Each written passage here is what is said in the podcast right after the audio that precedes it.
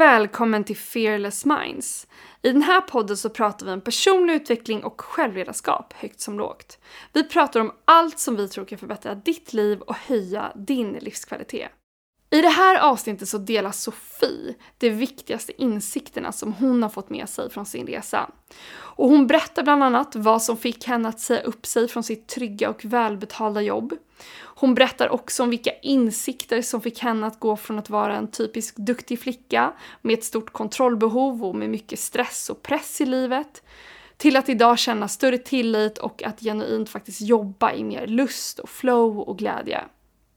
Hon delar också den viktiga insikten som fick henne att gå från att vara singel och kräsen till att träffa sin livskärlek.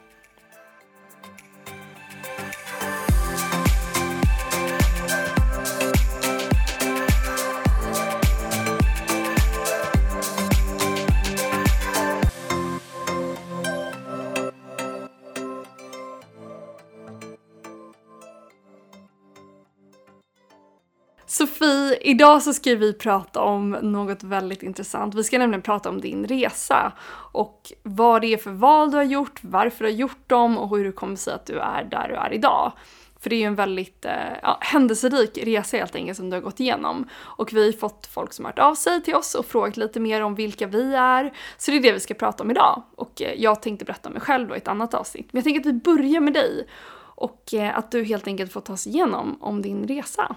Så du får berätta. Ja, berätta på. vad börjar man med säga? Nej men lite kort, jag är uppvuxen i Stockholm på Lidingö, en förort utanför Stockholm med, eh, ja, var fyra barn i familjen, en storebror, så var det jag, så två yngre bröder, så fyra barn totalt och mamma och pappa. Um, och det har varit en väldigt, jag har haft en jättebra barndom, uppväxt på väldigt många sätt. Men uh, jag har väl också som i princip de allra, allra flesta som jag stötte på, så har man också haft saker i sin barndom, upplevelser um, som inte har varit så bra. Och det tror jag vi alla har och jag har liksom valt att se det som att det är, det är händelser, det är delar av mitt liv som har fått, alltså präglat mig och gjort den till jag är idag och eh, jag har fått utvecklas tack vare de liksom, delarna.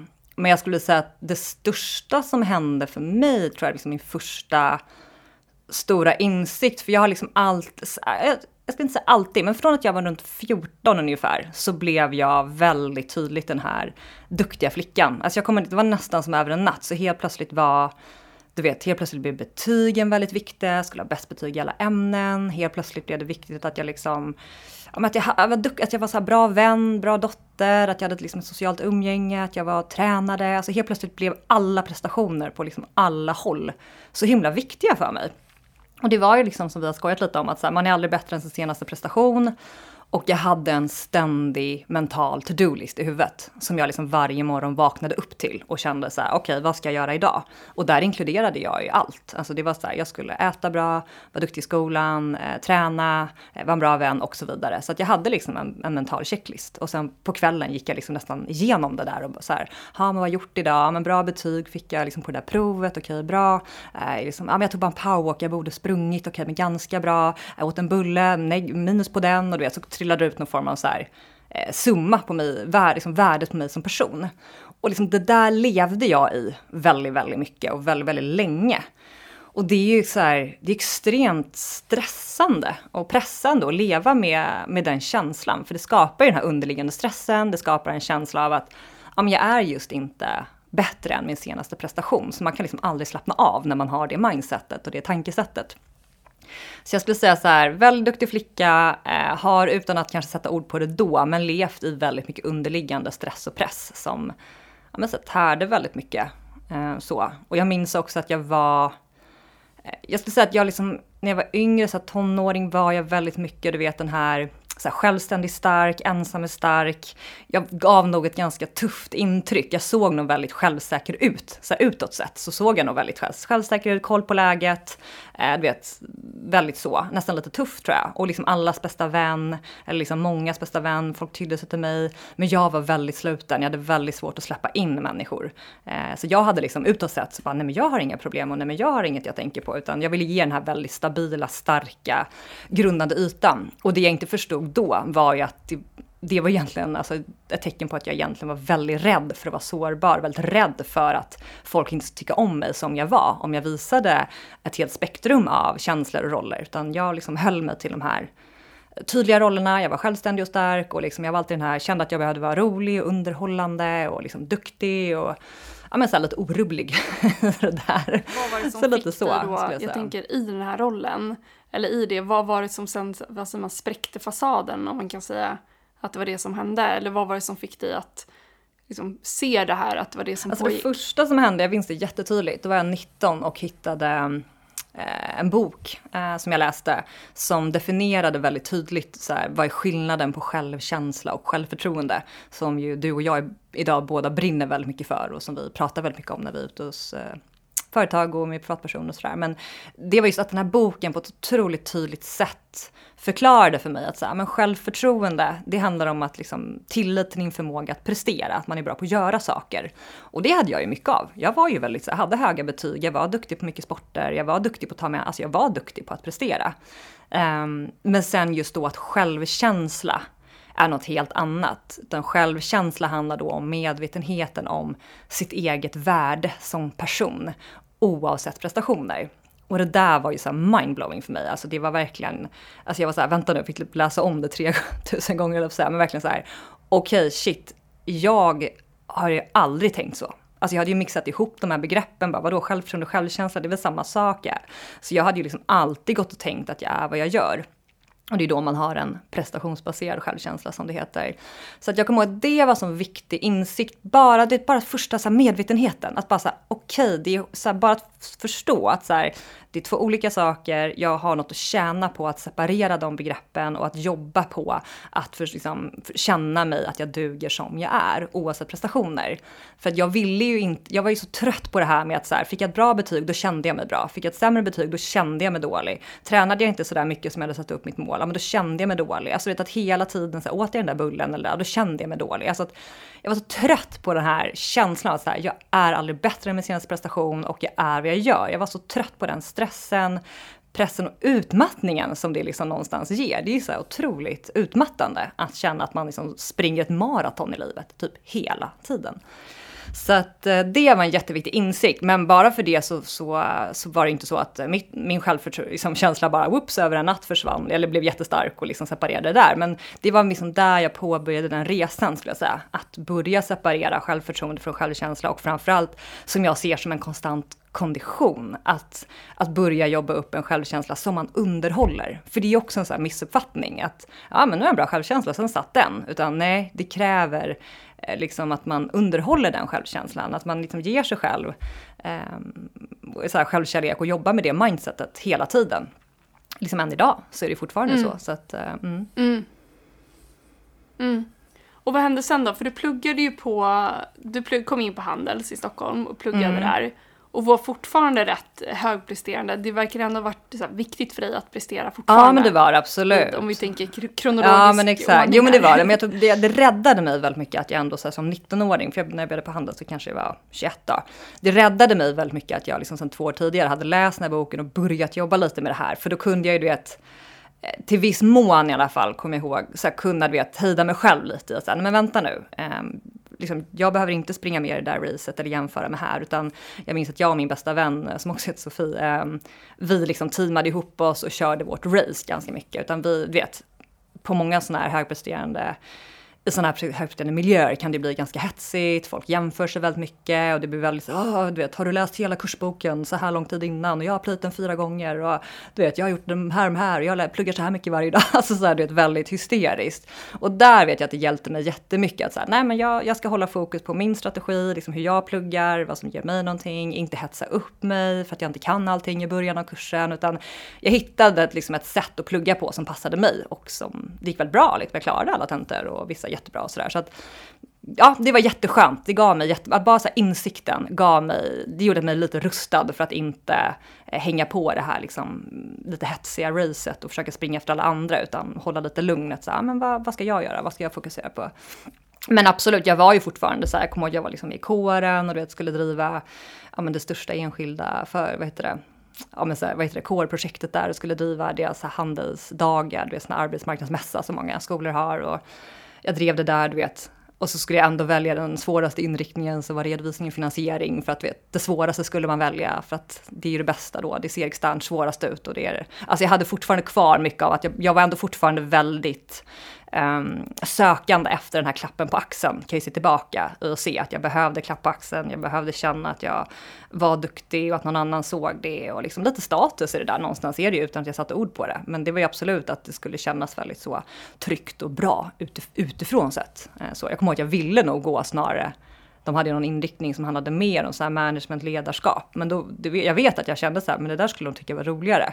Men direkt var det någonting i mig som, ja, fast den andra inriktningen är svårare, så den ska du nog gå. så bara, ja, okej. Ja, det är rätt väg. Så då körde jag liksom det. Men, eh, nej men sen så om vi bara fast forward lite så pluggade jag där. Um, ja, innan det var jag utomlands några svängar och lite sådär. Men um, sen jobbade jag, um, började jobba som managementkonsult efter det. Och, och det rent krasst var så här, det kändes, vet jag, när jag kom därifrån, att så här, ja, vad gör man nu då? Då, då kändes det som så här, men antingen jobbar du bank eller så jobbar du som managementkonsult. Det kändes ungefär som att det var de alternativen jag hade. Um, vilket blir lite lustigt när man tänker på allt som går att göra här i världen. insnöad värld. Ja. Men, Men man blir sådär insnöad, alltså beroende på vad alla andra ska, liksom, det är det här man brukar välja och det är de yrkena som är bra efter utbildningen. Exakt det blir så himla lätt att man bara snör in sig ja. på dig. Och var det, ville du göra det eller var det mer, det var så här, det är ett av de här, nu har jag två val. Ja, ja det var nog lite så. Och, och, och lite som någon skojade om och sa så här, men att välja att bli strategikonsult eller managementkonsult, det är också att inte välja. Det är lite att fortsätta liksom, ja, alltså du vet, för i det yrket jag, jag i alla fall så var det ju liksom det var hela tiden nya projekt, nya branscher, det var kanske tillvägagångssätt man använde, men det var ju så att man, man fick ju aldrig vara kvar på ett projekt och, och liksom fullfölja och driva igenom. Man bytte ju hela tiden. Liksom. Man kom på ett nytt, gjorde en strategiplan, affärsutveckling och så gick man liksom vidare och gjorde så olika delar. Så att, eh, men det var jättekul, alltså verkligen. Jag, jag utvecklades extremt mycket av det. Det var verkligen som en, en jättebra plantskola till att ja, men så här, tankesätt, jobba mycket mot, med sälj och jobba, liksom att du får ju, alltså som managementkonsult kan du ju aldrig slappna av. Du måste ju hela tiden leverera på topp eh, för att du får nya kunder, de betalar extremt mycket för dina tjänster. Så att det var en jättebra skola på så sätt och jag hade jätte, var ett jättebra företag jag gick hos, eller började hos, med ett lite mindre, lite mer så entreprenöriellt bolag. Jag hade, det var ju verkligen jättekul, så det är absolut ingenting, alltså det är ingenting jag ångrar i min resa överhuvudtaget. För att återigen, jag tror verkligen på att varje persons individuella resa präglar ju liksom den man är och formar en och man får insikter om det man liksom inte vill ha när man har e- erfarenheter som är jobbiga eller som inte känns roliga. Alltså, det finns alltid något att lära någonstans. Så att, men jag körde på där och eh, jobbade upp mig ett par år men du vet, sen vet jag att jag hade, alltså jag vet att jag kände så här, jag lever väldigt mycket för helgerna. Jag lever väldigt mycket för semestern. Jag hade blykoll på vilka semesterveckor jag hade per år och liksom, jag levde mycket för ja, men så här, kompisar och helger och allt det där. Och jag vet att jag kände väldigt starkt så här, shit, jag kan blunda nu och öppna ögonen och tio år har gått och jag kommer stå här på exakt samma plats. Och den känslan gav mig riktigt mycket panik faktiskt. Att jag var såhär, gud det här går inte, jag kan inte vara kvar här. Um, så. Var det den tanken som fick dig att så börja fundera på att jag kanske måste byta? Liksom, eller jag måste göra någonting Ja, dels den tanken. Man kan ju ha en sån skrämmande tanke som liksom är, känns läskigare. Alltså med ta den tanken eller det, någonting som händer får en att det blir läskigare helt plötsligt att vara kvar än att byta. För det, ofta är det ju läskigare att byta till en, till en punkt där det helt plötsligt blir läskigare att Exakt vara kvar. Så. Var det den tanken som fick dig att eh, vad säger man, att det blev läskigare att vara kvar. Ja, och jag framförallt så att det är som du säger, det vägs ju upp så att det blir liksom som form av tipping point, precis som du är inne på. Och jag tror för min del så ackumulerades det här. Alltså det var just det här, ja men känslan, jag hade ju väldigt mycket söndagsångest, kommer jag ihåg på slutet. Jag, eh, jag började få mycket så här nackspärr, problem med nacken, eh, som jag började få där sista tiden och det kan jag ju se nu i efterhand att det var ju ett uttryck. Alltså jag tror ju att först kommer liksom kroppen, vi brukar prata om det, om liksom sinnet med en viskning om någonting. Och sen börjar det lite högre och till slut är det som att kroppen skriker när den vill åt en förändring. Vad den är. Sen kan ju det handla bara om en inre förändring. Så här, jag måste börja tycka om mig själv eller byta mindset. Alltså det handlar inte om att man måste byta de facto en fysisk arbetsplats eller situation i livet. Men någon förändring måste till. Det är ofta så det är för människor, liksom, när kroppen till slut skriker. Och för mig var det att jag måste leva mer sant till mig själv. Jag måste våga följa mitt hjärta, göra det jag tror på, göra något som ger mig energi. För det var också det jag kände. Så jag bara, gud, det är som att jag försöker använda helgerna till att tanka upp mig för att sen ge av min energi fem dagar i veckan för att sen vara helt slut på fredag kväll. Eh, och sen liksom hitta något sätt i, du vet, att försöka ladda upp mig på. Vilket också blev lite destruktivt, för då blev det ofta så här mycket fest och hänga med kompisar som på ett sätt gav jättemycket, men var också väldigt trött och typ bakis på söndagen liksom. Så det, jag kan också se att det var lite destruktivt sådär. Men, eh, men det var liksom nackspärr, det var söndagsångest, eh, känslan av så här, just där som jag sa, att gud om tio år är jag kvar här och den, den känslan gav liksom paniken.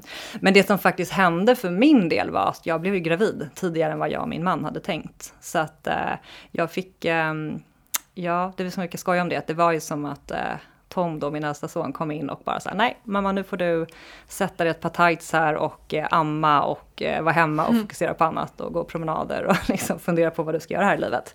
Så det tackar jag honom för. För det, jag hade aldrig, aldrig haft modet som jag vet att du har vågat göra när vi ska prata om din story, att, att våga liksom se upp mig och bara ta tid att fundera och reflektera. Jag tror inte jag hade haft styrkan faktiskt i det. Att så här, gud vad ska alla andra tänka och hur ser det ut? Och det är ju så himla häftigt med folk som vågar göra det. Men jag hade inte modet till det. Utan jag tror att jag behövde lite det här externa som, eller externa, interna med min, min bebis då. Men liksom någonting som fick mig att bara så här, nej nu, nu liksom tar av dig kostymen, lämnar Stureplan och går hem och eh, hänger i tights och ammar och är med din bebis helt enkelt. Så att eh, mm. det var nog faktiskt det. Och få foka på någonting som är, känns väldigt viktigt och meningsfullt. För det låter ju ändå som att det var det du sökte lite. Att så här, någonting annat, leva sant till sig själv, alltså känna mer mening och helt plötsligt kommer det in här i ett annat format. Liksom i form av en, en liten bebis.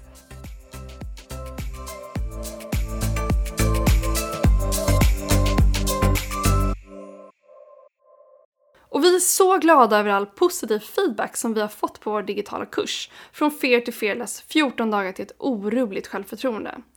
Den här kursen kommer att få dig att sluta fundera och börja agera. Du kommer att få transformerande verktyg, övningar och insikter som kommer att hjälpa dig att tro mer på dig själv och våga gå efter det du faktiskt vill ha i ditt liv. Är du intresserad av att gå kursen, se då till att lyssna ända till slutet för då delar vi med oss av en unik rabattkod.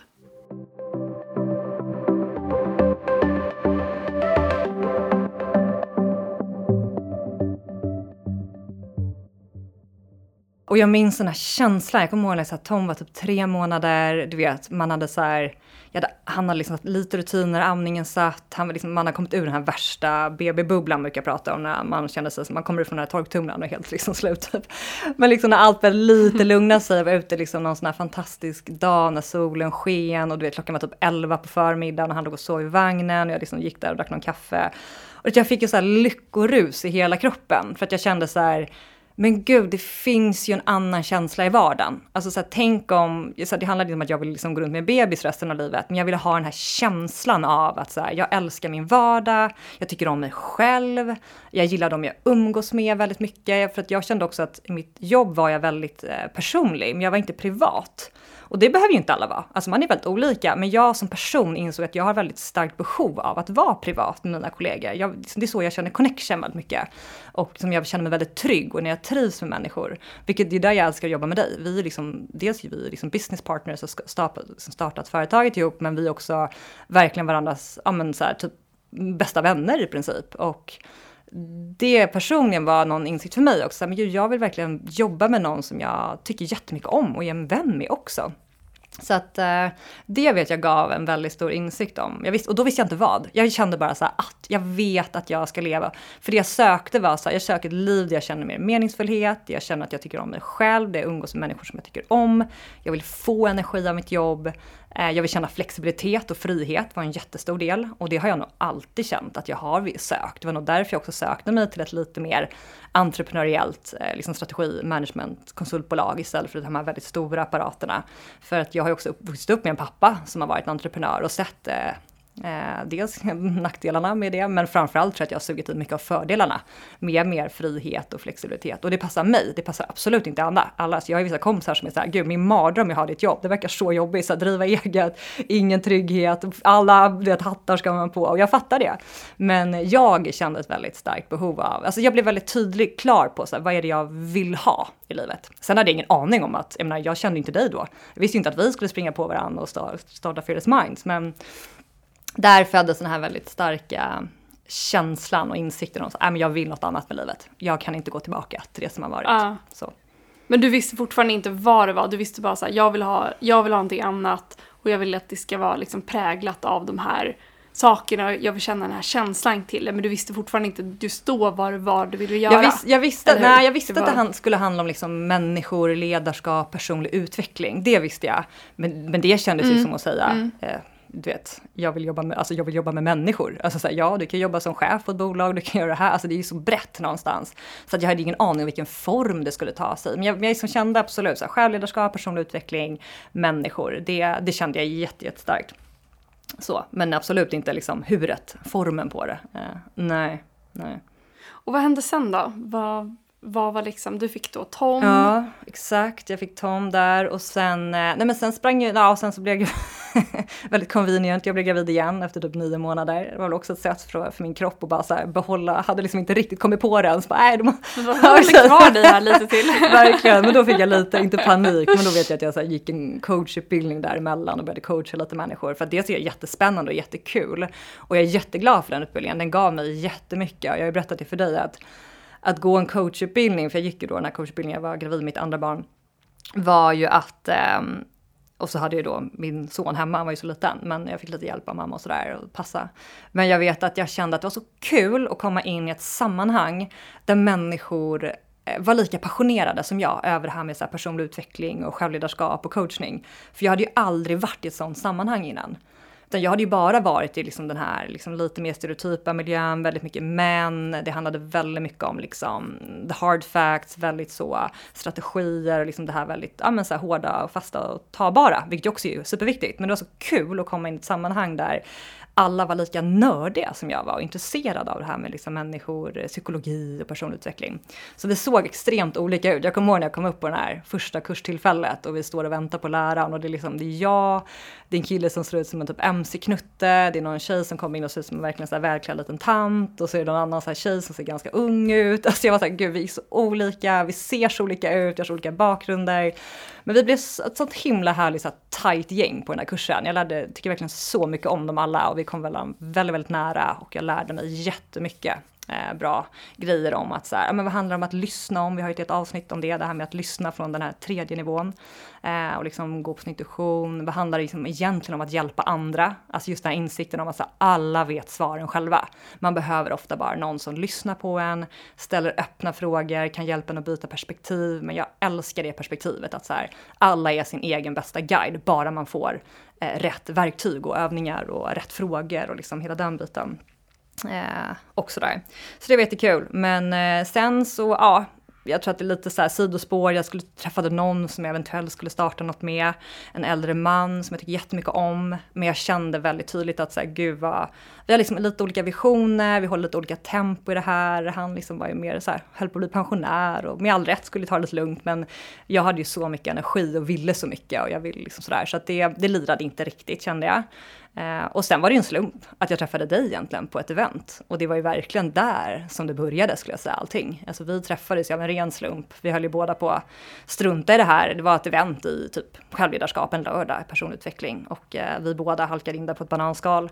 Och eh, träffades ju där. Och det var ju där som eh, Ja, men det var ju där jag verkligen kände bara, men gud, nu har jag träffat min person.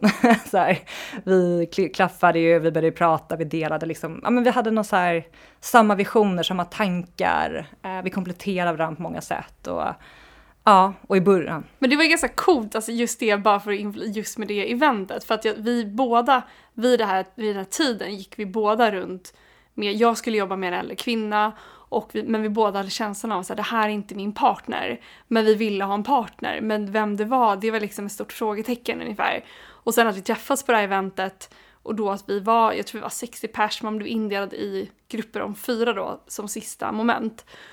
Och då att man skulle prata om någonting som man gick och tänkte på eller någonting man, eh, någon, ja, kanske något problem man hade eller någonting man gick och liksom funderade väldigt mycket på. Och då kommer jag ihåg att när jag satte mig och började prata så berättade jag om det här då. Men jag vill hålla på med personlig utveckling, eh, jag vill hålla föreläsningar men jag är jätterädd för det och började prata liksom om den scenskräcken som jag hade. Och jag kommer verkligen ihåg att vi sitter då, för då sitter jag ju med dig, du sitter ju framför och så är det två personer till. Och jag kände ju exakt samma, att men jag bara, det är någonting med henne. Eh, och sen då efter det här eventet så var det så här, ja men ni ska ta en, eh, liksom, en av de här personerna ska bli er buddy i två veckor. Och ni ska då följa upp med varandra och se liksom, har ni kommit vidare på det här ni tog upp och så. Och jag kommer ihåg att jag bara, jag måste ha den här tjejen, liksom. vi måste prata vidare. Det var någon sån här mm. känsla över att det är någonting och jag måste bara agera på det. Och det, ja, det är så häftigt på något sätt att man då sitter då i den situationen när man sitter faktiskt och pratar om det här man vill göra och möts mm. på det sättet. Det var... Ja men jag kommer ihåg det, jag, jag, tänkte på två saker jag kommer ihåg i det där session. Så jag, jag ska prata om eller Y liksom. Det, var, det ena var också att jag ja, men ville börja prata inför människor och jobba med självledarskap. Men det fanns absolut en imposterkänsla, liksom, vem är jag att göra det? Och, och så var det något annat. Och jag kommer ihåg att du tog då upp ena grejen. Och jag var så här, men gud, hon tänker ju som, alltså det var som att vi läste varandras tankar. Så det, ja, det var väldigt kul och vi började ju eh, höras där väldigt mycket, varje dag egentligen och bara pratade och lära känna varandra. Mm. Och så liksom växte det ju fram. Men det var också en så här, där måste jag ge dig lite cred för att du lyfte ju också vår relation väldigt snabbt. Du var så här, du bara, jag är ingen som håller på smsar, jag kommer ringa dig imorgon. Och det var så skönt för att nu på något sätt när man träffar nya människor så är man lite så här, man är, det är när man kompisdejtar så är man ju lite försiktig. Man bara, jag vill inte vara för på, jag vill liksom lägga det här på en bra nivå. Och hade, hade jag fått bestämma hade jag ju skickat ett sms. Ja. Men att så här, det var så skönt att du bara, jag kommer liksom, jag kommer ringa dig så att du får svara. Man bara, okej, okay, det är det som gäller. Och sen dess har vi pratat i telefon i princip varenda ja. dag. Så att eh, det var så bra att du på något sätt bara agerade på det och eh, ja, men så här, direkt tog det till en annan nivå genom att bara plocka upp telefonen. Ja. Vilket idag kan vara så här, ja, kännas lite läskigt när man inte är van att prata med någon annan person på telefon. Nej exakt, verkligen. Det var roligt. Nej men det är, ja, mina kompisar brukar skoja om det, att jag, är, alltså, att jag pratar så mycket i telefon. men det, alltså, det är verkligen så, jag älskar det. Ja, det är väl, alla vill olika hur man connectar. Jag har så him jag tycker det är det roligaste jag vet att prata med människor jag tycker om. Alltså det är så här, jag tycker, jag förstår inte, men jag ja. fattar alla olika. Men för mig är det så himla men det skapar så mycket connection tycker jag. Jag tycker det är så himla härligt sätt att eh, mm. eh, nå ut till människor och connecta och bygga relationen. Alltså för mig så här, skicka ett sms, det, det är mer så här, det handlar om praktiska saker för mig mer. Men äh, ja, det är, roligt, ja. det är roligt. Men ja, så där träffades ju vi och det ja. var ju så kul. Det var ju verkligen startskottet på att börja bygga någonting. Det var ju det som var så himla roligt. Men jag kommer ihåg att jag var också väldigt, jag var nervös för jag kommer ihåg att jag kände så här, jag kommer ihåg så väl, vi bollade och då, då kom att vi sa så här, men vi, vi, vi kör en vi kör en workshop som en liten liksom, morgonföreläsning. Vi bjuder in folk via Facebook, vi hyr en lokal, eh, vi köper lite frallor och serverar lite kaffe. Folk får betala en hundring eller någonting så vi gick ju totalt plus minus noll på det där. Vi tjänade väl 40 spänn var någonting, vi skrattade om det. Men bjöd in folk och det kom väl så här 15 pers från när och fjärran höll upp så här, ingen aning om var folk kom ifrån egentligen. För det var ju var inga vänner som kom. vissa, vissa.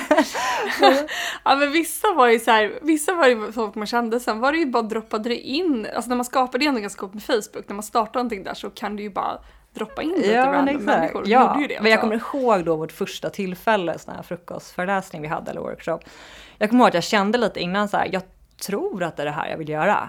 Men jag vet ju inte. Alltså det, jag var mm. lite så. Men mm. gud, det var ju som att käka godis första gången. Alltså det, vi blev ju helt höga på livet efter det. Jag kommer ihåg att det var så himla kul att stå och prata. För jag hade ju pratat jättemycket inför människor innan. Jag hade jobbat som managementkonsult och pratat inför liksom stora ledningsgrupper och hållit presentationer. Så det var inte nytt för mig. Men det är en otrolig skillnad att ställa sig upp och prata om en, liksom, en rapport om marknadsanalys man har gjort än att ställa sig upp och berätta om eh, liksom, eh, sin resa, tankar, väldigt personligt, väldigt sårbart. Det är en helt annan femma.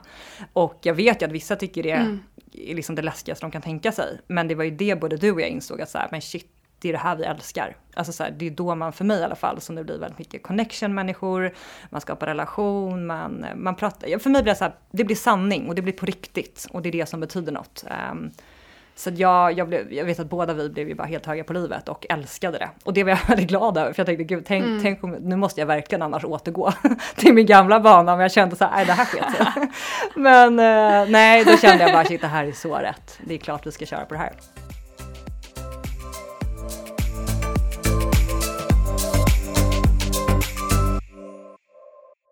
Siri då, ditt andra barn, skulle precis börja på dagis så att vi började liksom förnula lite och jag tror att där var första gången vi båda kunde börja så här, sätta ord på de tankar som vi gick och tänkte på första gången som också kunde dela de drömmar man hade. För att det var som om man hade gått runt med drömmar och det här var första gången man faktiskt hade, vi började dela dem och att det, det matchade.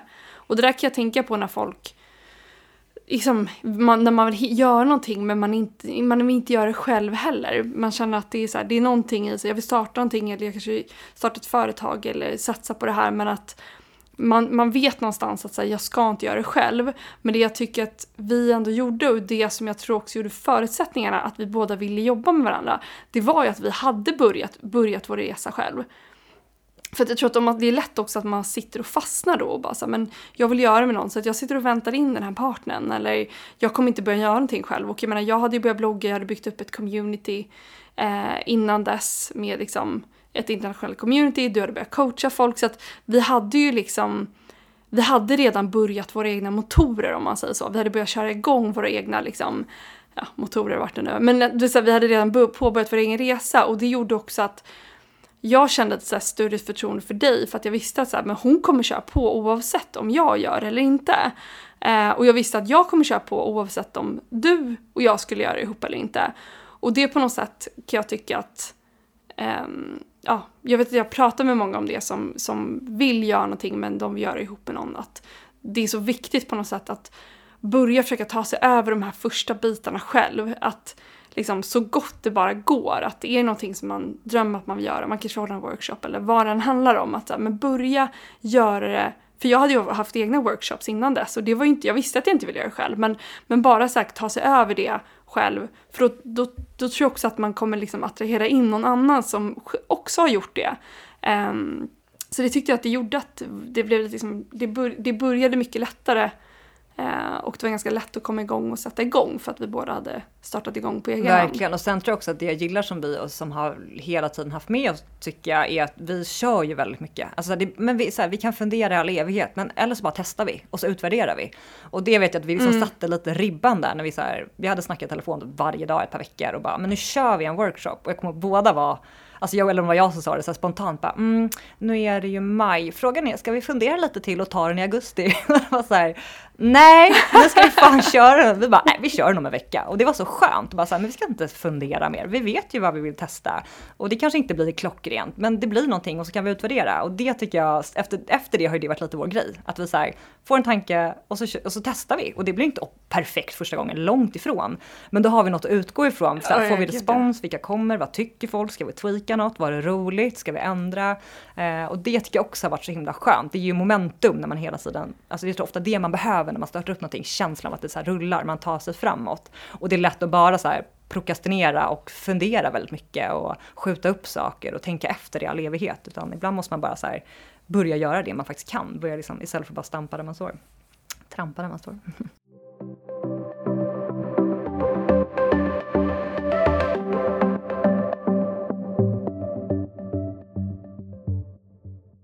Men du, jag tänker en, en grej som jag, som jag skulle vilja höra lite mer om. Det är just det här med eh, när du träffade din man. Mm.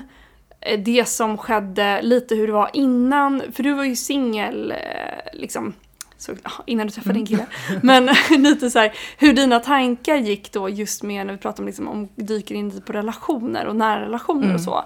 Kan inte du berätta lite om hur det var där?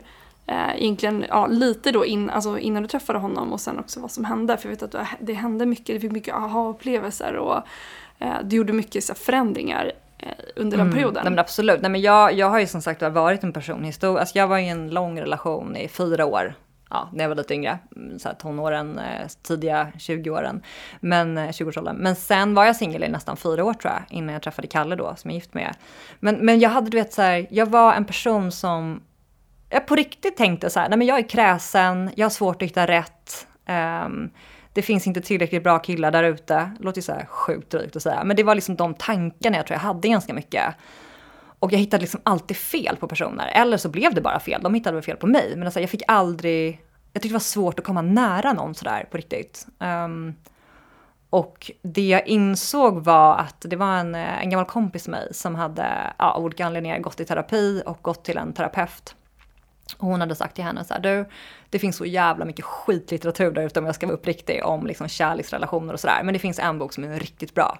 Och det är en, en bok som heter du är bättre komma ihåg, vad heter den? Eh, eh, hemligheten från ögonkast till långvarig relation. Ja, något sånt, exakt. Precis, sånt. av Egil Linge och mm. eh, Dan Josefsson. Så det är inte den här amerikanska The Secret, utan det är en svensk bok.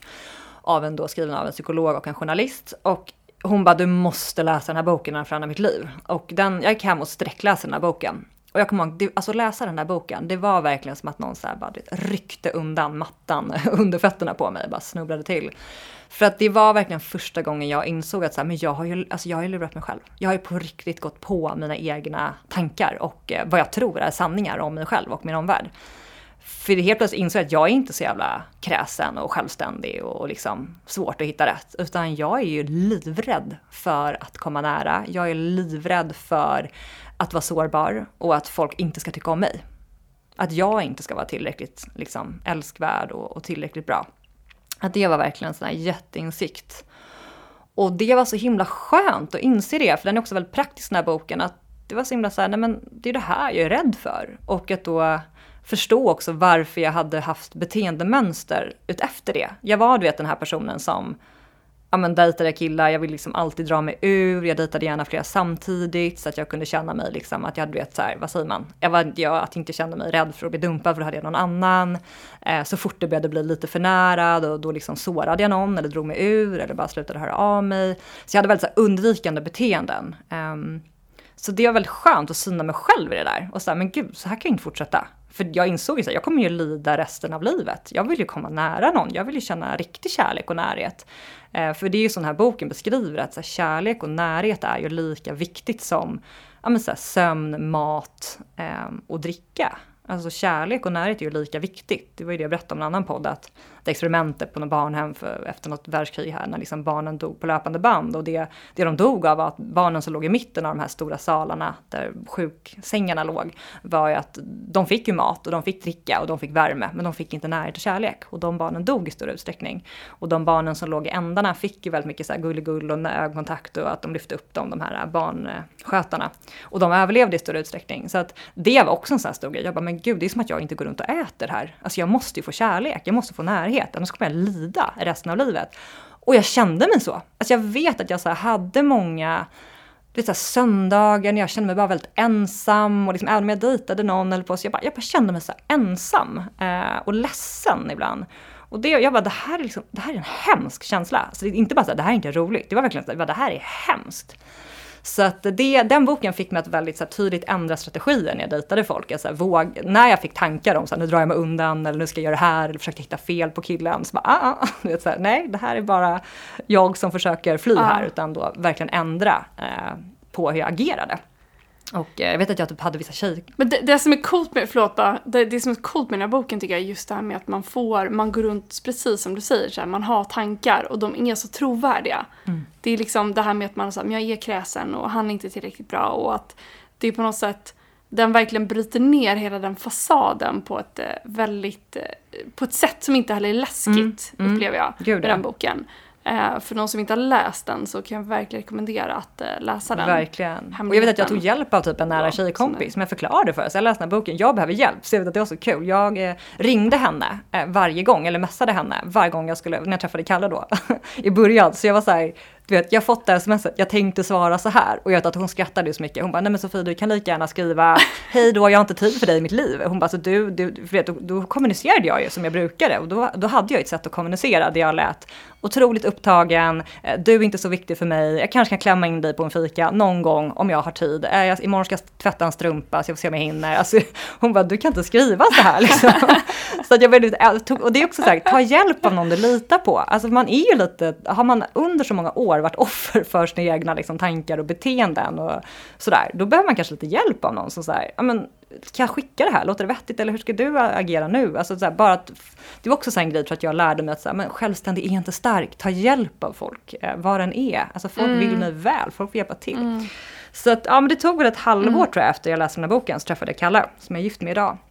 Ehm, och eh, det har ändrat jättemycket. Jag tror hela den här boken fick mig att inse att jag måste våga vara sårbar, jag måste våga säga vad jag är rädd för innerst inne i en relation. Jag måste våga, det handlar, alltså så här, någonstans, det är någon så här klyscha men alltså du, du måste ju våga riska för att komma nära. Du kan inte komma nära och liksom, om du inte vågar vara sårbar och vågar ta risken att bli dumpad eller bli ledsen liksom, eller vad det är. Det, det är så det är liksom. Mm. Mm.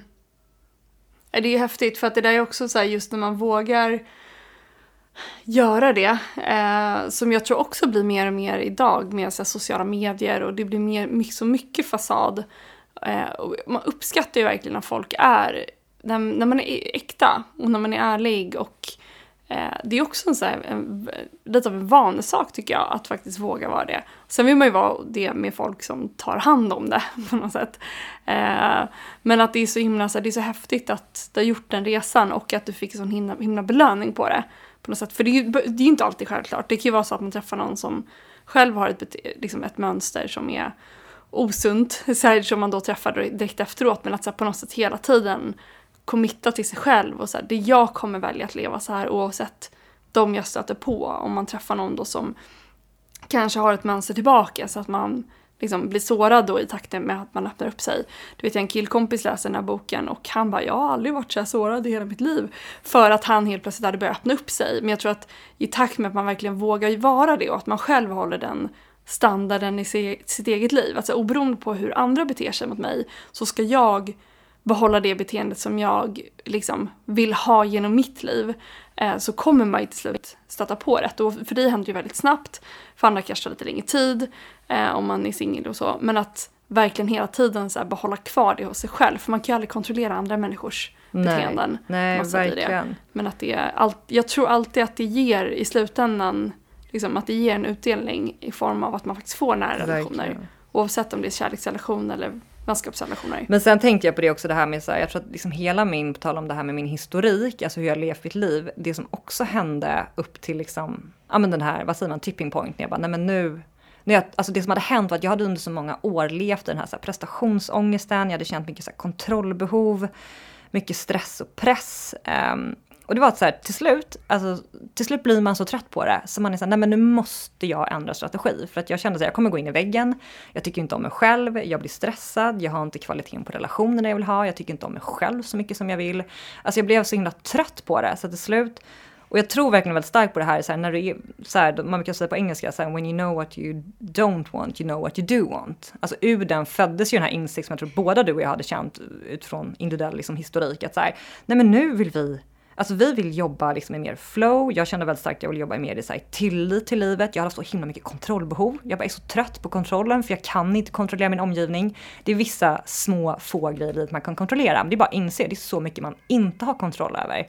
Så jag bara så här, jag vill leva mer i tillit, jag vill mer, liksom, mer i så här, glädje, inspiration och liksom att genuint ha roligt. Och det har ju varit vårt motto hela tiden. Alltså det är klart att vi går runt och asgarvar varje dag, men vi, vi, vi har det hela tiden som ledstjärna. Så det ska vara kul att jobba, det ska vara kul att ta oss framåt. Och det, det tycker jag nog är min största vinning, att ha bytt så mindset och starta Fearless Minds och verkligen bygger det och, och verkligen dagligen själv jobbar med det. Vi är båda så nördiga i det här liksom, och är en otrolig passion för oss båda.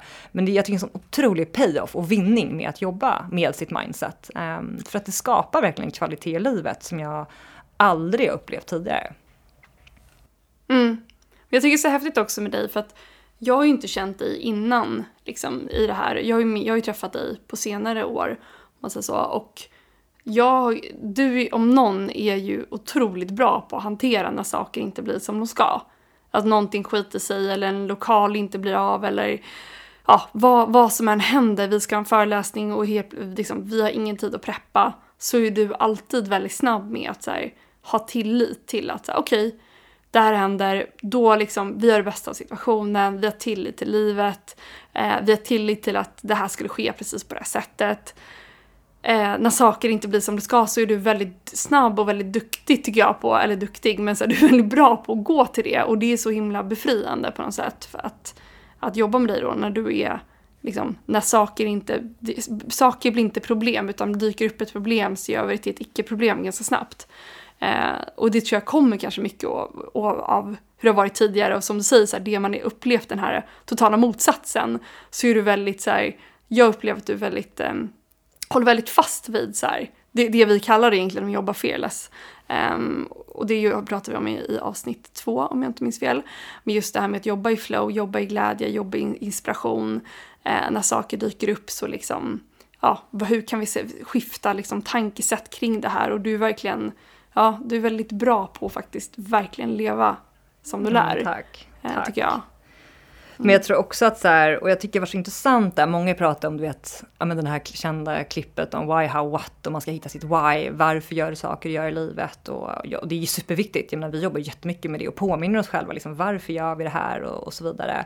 Men jag tycker att det är spännande med det och jag tror vi ska, vi har snackat om det, att vi ska göra ett helt avsnitt på det, men just det här så här, varför gör man saker och ting? Och för mig har det varit jättekraftfullt att eh, förstå varför jag jobbar med Fearless Minds, varför jag är så nästan besatt av att jobba med mitt mindset. Eh, och jag har liksom insett att det kommer sig av att jag under min uppväxt hade människor i min närhet som jag såg inte hade någon kontroll eller närhet till sin, här, sina tankar, sitt mindset, eh, alltså sina känslor, så här, sitt inre jag. Utan de var väldigt mycket offer för Eh, egna tankar, andras tankar, externa omständigheter, eh, saker som hände och jag såg att det var många människor eh, under min uppväxt som, som hade mycket så här, offerkoftan på sig hela tiden och framförallt väldigt lätt kastade på sig den, eh, väldigt så enkelt.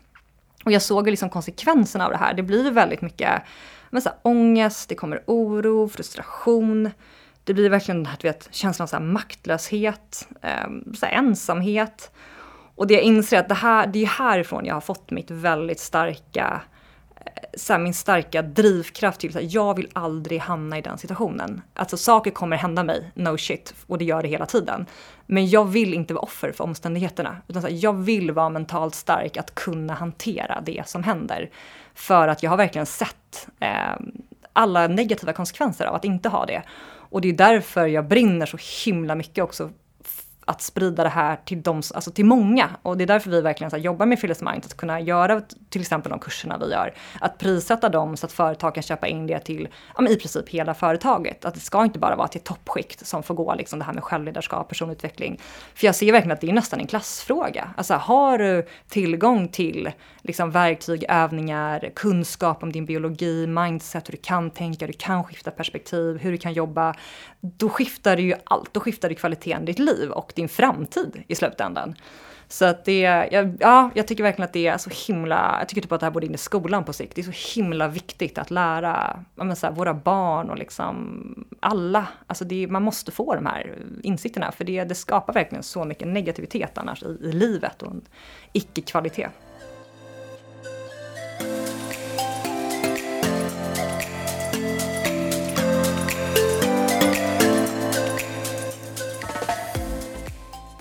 Och jag tror, eller så här, för mig har det då också, det som är så härligt med att, eller så här, det som får mig att fortsätta jobba med det jag gör är att eh, det är hela den här insikten som vi har pratat om i ett annat avsnitt om att så här, vad är det som skapar eh, fulfillment in life som man säger på engelska? Jo, det är att göra någonting där du känner att du växer och att du bidrar. Och det är verkligen det jag får ut av att jobba med dels Fearless Minds men också det här kvinnliga nätverket som jag har skapat för kvinnors reproduktiva hälsa, alltså Fitlife som en del känner till. För att jag får verkligen känna att jag hjälper folk och att jag själv växer samtidigt. Och det är så skönt att ha med sig det och jag tänker att du som lyssnar också kan ställa dig de frågorna. Så här. För, för det som jag kände var lätt innan jag vågade ta klivet var att det var lätt att säga, nej men nu har jag ett jobb som ser bra ut externt, jag har en status, allt ser bra ut. Eh, liksom, ska jag lämna det för något, vadå? Något fluffigt, något som ingen riktigt vet vad det är? Kommer jag bli någonting där? Alltså det var så lätt att hamna i den här fällan. Så, nej, men då gör jag det som känns tryggt och som andra tycker är lite statusuppfyllande eh, någonstans. Men när jag hela tiden ställer mig den här frågan, bara, men vad får jag ut av det här? Ja men shit, det jag får ut av mitt dagliga jobb just nu är eh, då att jag växer som person och att jag bidrar. Ja men det är det som skapar fulfillment. Och det gör att jag blir så trygg i att jag gör det jag ska göra i livet just nu.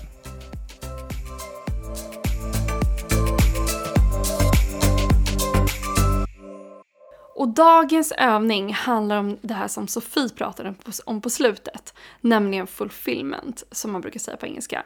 För det är nämligen så, för att vi ska känna fulfillment i våra dagliga liv så är det två saker som krävs. Det ena är att vi hela tiden växer som personer och det andra är att vi bidrar. Och det kan vara att man bidrar till en organisation eller till en specifik målgrupp eller man bidrar med det man jobbar med.